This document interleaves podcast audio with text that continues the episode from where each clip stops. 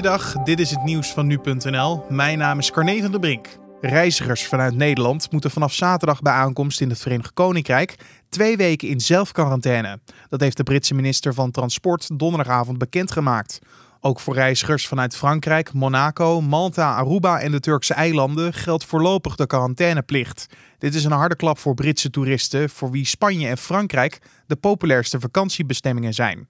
Volgens de minister is de maatregel nodig om te voorkomen dat het aantal coronabesmettingen in het Verenigd Koninkrijk opnieuw toeneemt. De gemeente Den Haag heeft in de nacht van donderdag op vrijdag een noodbevel aangekondigd voor enkele straten in de Schilderswijk, wegens aanhoudende onrust in de buurt. Net zoals een dag eerder gooien jongeren met eieren, stenen en zwaar vuurwerk naar politieagenten.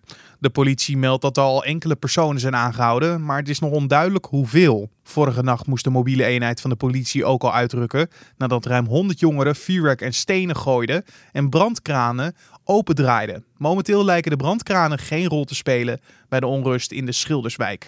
RB Leipzig heeft zich donderdag geplaatst voor de halve finales van de Champions League. De Duitsers waren in Lissabon door een laat doelpunt met 2-1 te sterk voor Atletico Madrid. Leipzig staat door de overwinning op drievoudig finalist Atletico voor het eerst in de clubgeschiedenis in de halve finales van het belangrijkste Europese clubtoernooi.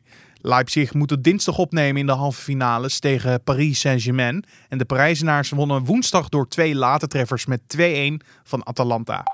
Het aantal banen in Nederland is in het tweede kwartaal met ruim 300.000 en dus met 3% gedaald. Een ongekend grote daling, zo meldt het Centraal Bureau voor de Statistiek. Dit cijfer geeft nog een geflatteerd beeld van de ontwikkeling van de werkgelegenheid, omdat als gevolg van de coronacrisis in een deel van de banen niet of minder gewerkt kon worden. Het totale aantal gewerkte uren dat meer zegt over de daadwerkelijke stand van de arbeidsmarkt lag in het tweede kwartaal van dit jaar 6,1% lager dan in de eerste drie maanden van het jaar. Een dergelijke daling is ook niet eerder voorgekomen. En tot zover de nieuwsupdate van nu.nl.